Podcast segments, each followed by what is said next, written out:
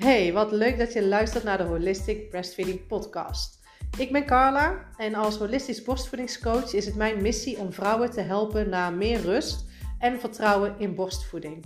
Wanneer jij je namelijk vol zelfvertrouwen en krachtig voelt, kan jij keuzes maken vanuit jouw diepe innerlijk weten, vanuit de verbinding met jezelf en je kindje. Jij weet namelijk precies wat jij wanneer en op welke manier moet doen. Ik hoop dat deze podcast jou gaat helpen om dicht bij jezelf te blijven, om jouw eigen pad te mogen volgen vanuit de verbinding met je kindje en een sterke borstvoedingsrelatie op te bouwen. Veel luisterplezier! Hey, hallo, wat leuk dat je weer luistert naar een nieuwe podcastaflevering. Um, het is weer karate tijd, dus ik zit wederom weer in de auto. Um, maar het begint een beetje mijn structuur te worden om dan een podcast op te nemen. Dus uh, ook wel lekker even een rustig momentje. Uh, en wat doe je anders in het donker in de auto? Maar het begint al langzamer steeds iedere week lichter te worden. Dus uh, we zitten weer aan de goede kant van de winter, weer richting de zomer. En voordat ik het weet, zit ik hier weer vol in de zon te wachten tot hij klaar is met zijn karate les. Dus uh, dat uh, is weer het andere uiterste dan nu met mijn winterjas aan. Maar ja, um, vandaag wil ik het met jullie hebben over um, slaapregressie. Of nou ja, gewoon regression noemen ze het dus vaak ook wel in het Engels. En ik heb dat woord nou de laatste nou, week een paar keer gehoord. En nou ja, toeval of niet. Gisteren had Dana ons Nederlandse taalles en ik zat daarbij. En um, nou ja, goed, dan uh, zijn zij een beetje aan het werk. En ik let af en toe even op, zodat ik weet wat ik met hem thuis kan doen. En voor de rest zit ik dan maar. Dus ik dacht gisteren van, nou, ik neem even een bloknoot mee. Ik heb uh, een paar maanden geleden heb ik me aangemeld voor een, uh, voor een cursus tot lactatie. Ehm, geen lactatiedeskundige, maar een counselor.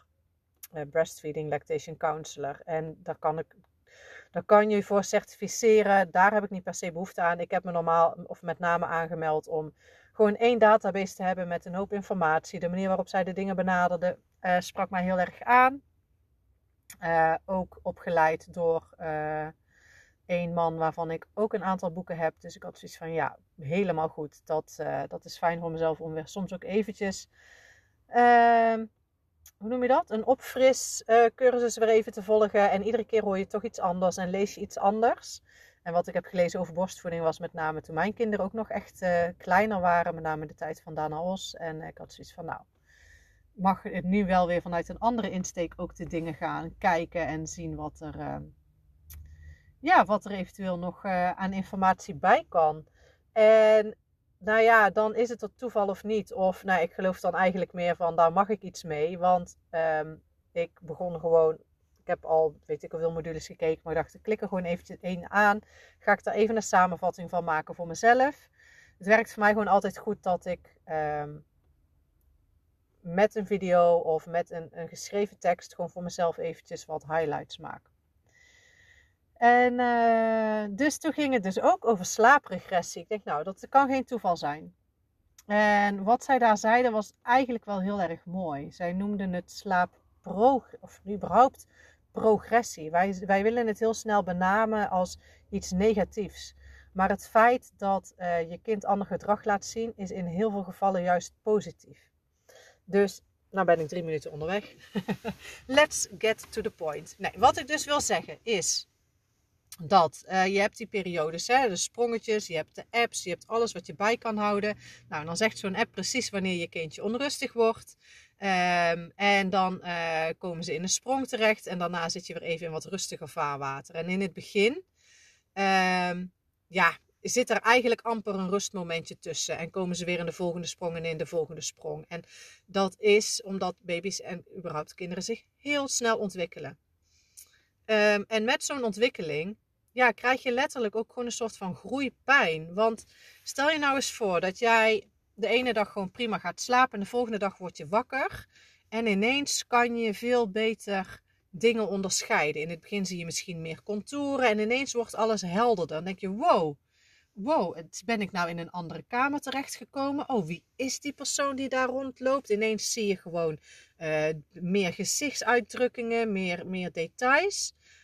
Moet je nagaan. Dan moet je toch even wennen. Heb je zoiets van, wow, wat gebeurt hier? Maar ook voordat je uh, zo'n baby zo'n ontwikkeling kan maken, is dat brein natuurlijk al super lang aan het ontwikkelen voordat die ogen het daadwerkelijk misschien ook zien en waarnemen.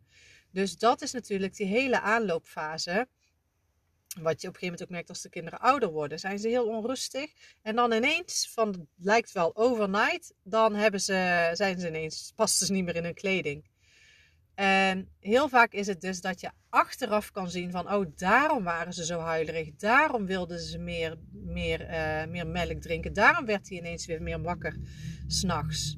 Want hij zat, zat schijnbaar een sprongetje aan te komen. En dan kan je nog zoveel apps hebben die jou dat vertellen. Je baby kan er ook gewoon helemaal geen boodschap aan hebben. En het precies op andere dagen en andere weken doen. Dus ik vind ook veel vaak, het is fijn dat je kan zien van, oh ja, ongeveer deze tijd. Of dat je weet waar het vandaan komt. Dat het gewoon heel natuurlijk babygedrag is. Dat ze soms ineens heel erg weer veel hangeriger en veel aanhankelijker zijn. dat je denkt, nou, mijn baby wordt eindelijk zelfstandig. En dan ineens, hup, weer uh, even een setback voor je gevoel. Um, en op het moment dat je dan in zo'n setback, wat ze dus eigenlijk een, hè, de regressie noemen, als je daarin zit, dan ga je denken, toevallig, nou, dus ook niet toevallig. Vanmiddag was er een, een kennis op, op bezoek met haar kinderen. En haar baby is nu 11 maanden.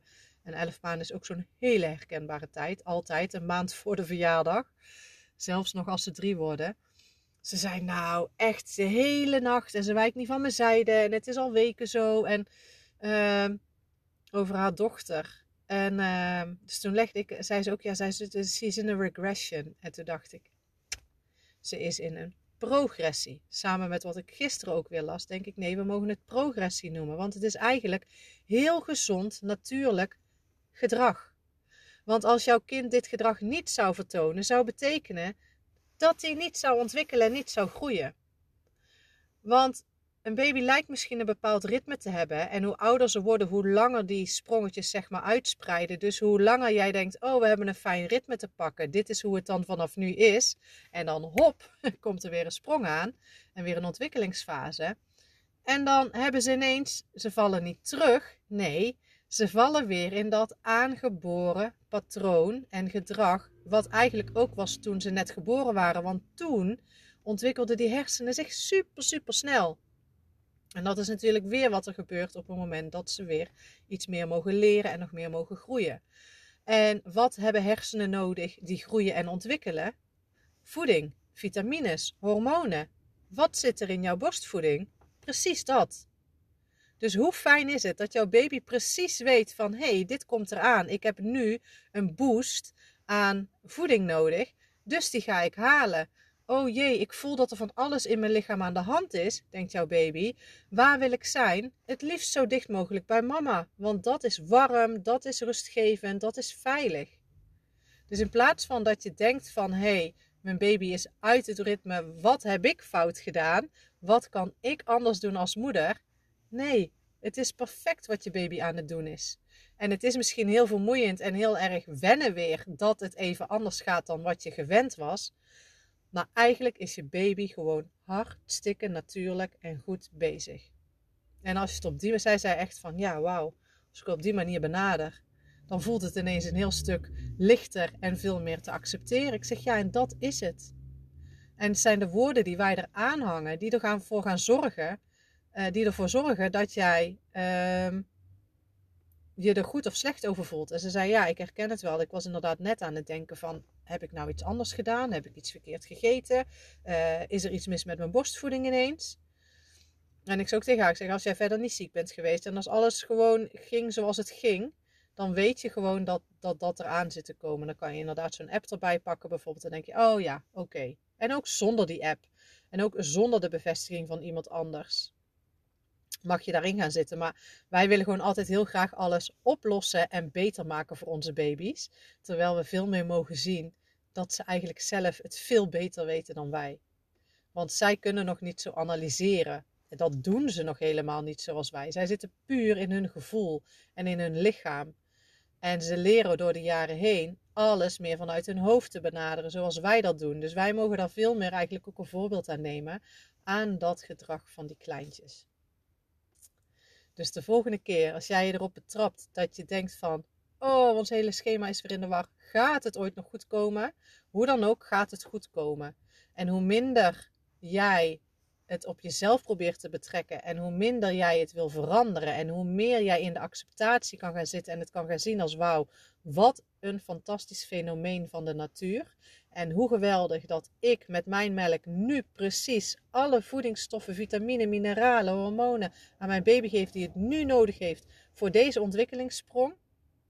Hoe makkelijker het wordt voor jou om hier doorheen te gaan. Want in plaats van dat je dan voelt van, oh, er gaat iets mis. Wauw, het gaat precies zoals het moet gaan. En check dan eens bij jezelf hoe veel krachtiger je je dan voelt. En dan ineens maak je ook geen zorgen meer. En de volgende keer als je baby weer bij je komt, dan denk je: Oh, kom maar lekker, schat. Precies. Kom maar lekker bij me liggen. Ik red het wel. Ik weet dat het over een tijdje allemaal, uh, allemaal weer makkelijker gaat. Nou, dat is wat ik in ieder geval met je wilde delen. Uh, ik weet zeker dat je dit herkent. Ik denk dat dit iets is waar iedere moeder doorheen gaat. Ik hoop dat het de volgende keer voor jou wat makkelijker wordt om. Uh, nou ja, het gewoon te laten gebeuren. Zonder in de paniek te schieten dat er iets moet veranderen. Je baby is aan het veranderen en dat is precies wat het moet zijn. Ik zou het echt super fijn vinden als jij dit waardevol vond. Dat je deze podcast met je andere, de andere moeders in jouw omgeving deelt. Um, daarnaast, uh, als je iets waardevols uit die podcast hebt gehaald of je hebt nog een vraag, stuur me dan een berichtje op Instagram, Carla Holistic Breastfeeding. En um, dan wil ik je bij deze hartstikke bedanken voor het luisteren naar weer deze podcast. En ik kijk, het is 11 uur 11 en ik neem hem 11 minuut 11 en ik neem hem op op 2 februari 2022. Dus uh, allemaal goede signalen, die stuur ik ook even naar jou als je ze kan gebruiken. En uh, tot de volgende keer.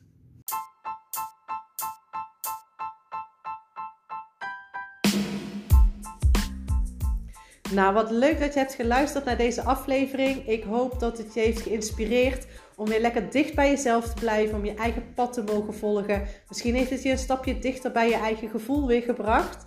Laat me weten als je vragen hebt of als je nog iets anders wil weten aan aanleiding van deze aflevering. Neem dan contact met me op op Instagram op Carla Holistic Breastfeeding. Ik wens je een super fijne dag en nogmaals bedankt voor het luisteren.